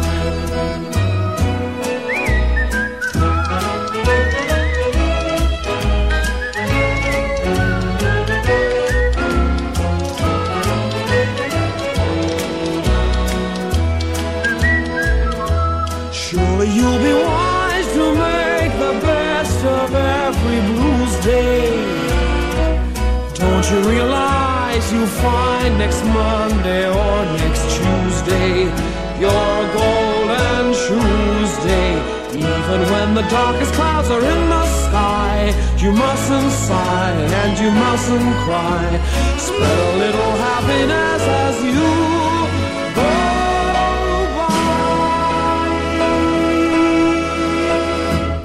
Spread a little happiness, Axel Vervoort. Sting leest uw gedachten. Ja, maar Sting is zelf zo. Het is ook een hele positieve persoon, een hele menselijke persoon, zeer verstandig en, eh, en die echt een, een boodschap wil zijn voor iedereen, die zich ook nuttig wil voelen, die ook nog fantastisch hard blijft werken, die nog constant bezig is met nieuwe dingen. En, eh, eh, Sting is ook een goede vriend, echt, we, kunnen ook urenlang samen praten. Een heel Waarover praten jullie dan?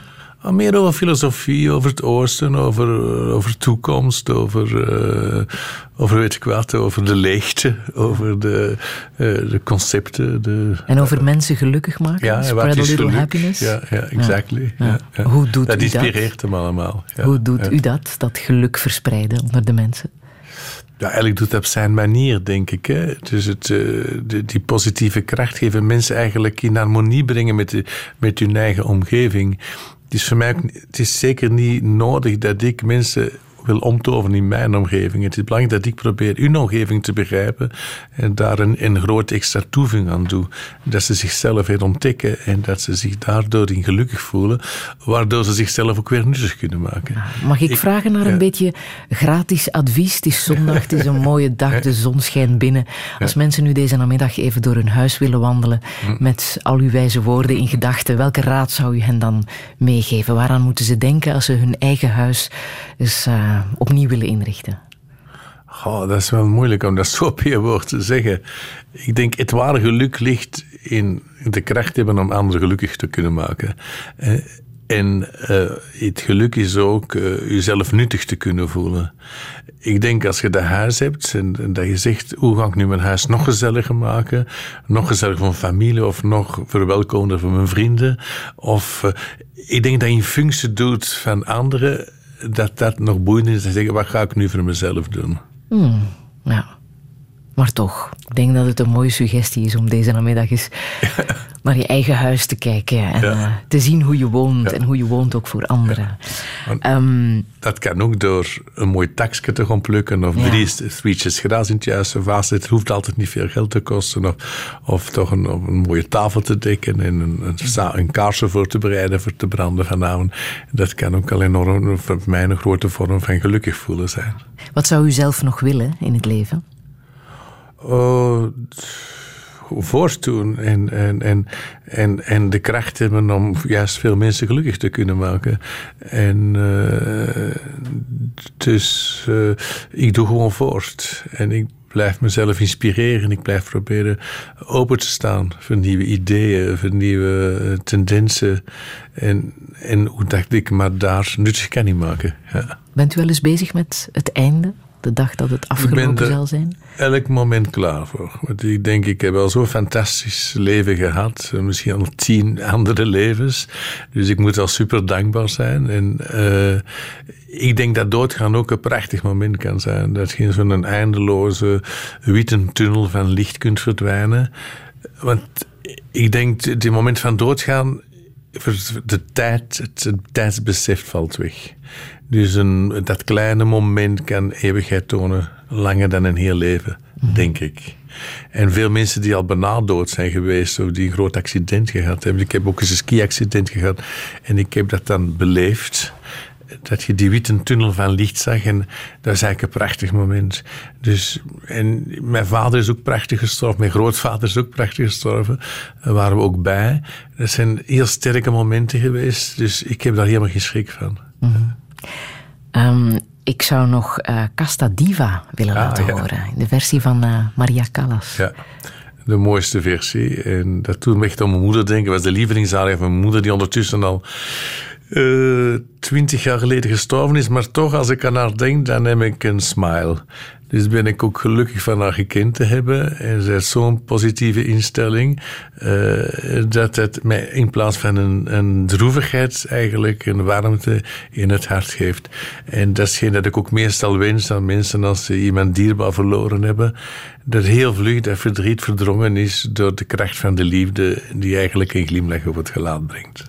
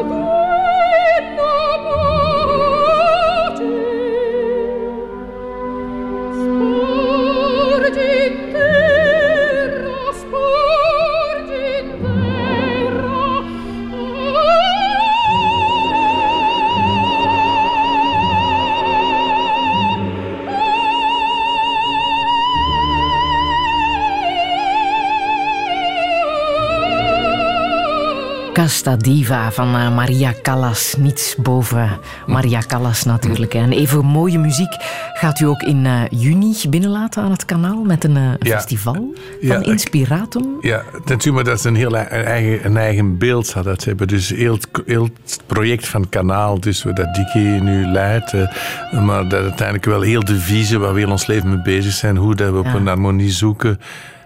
Axel Vervoort, dankjewel. Touché.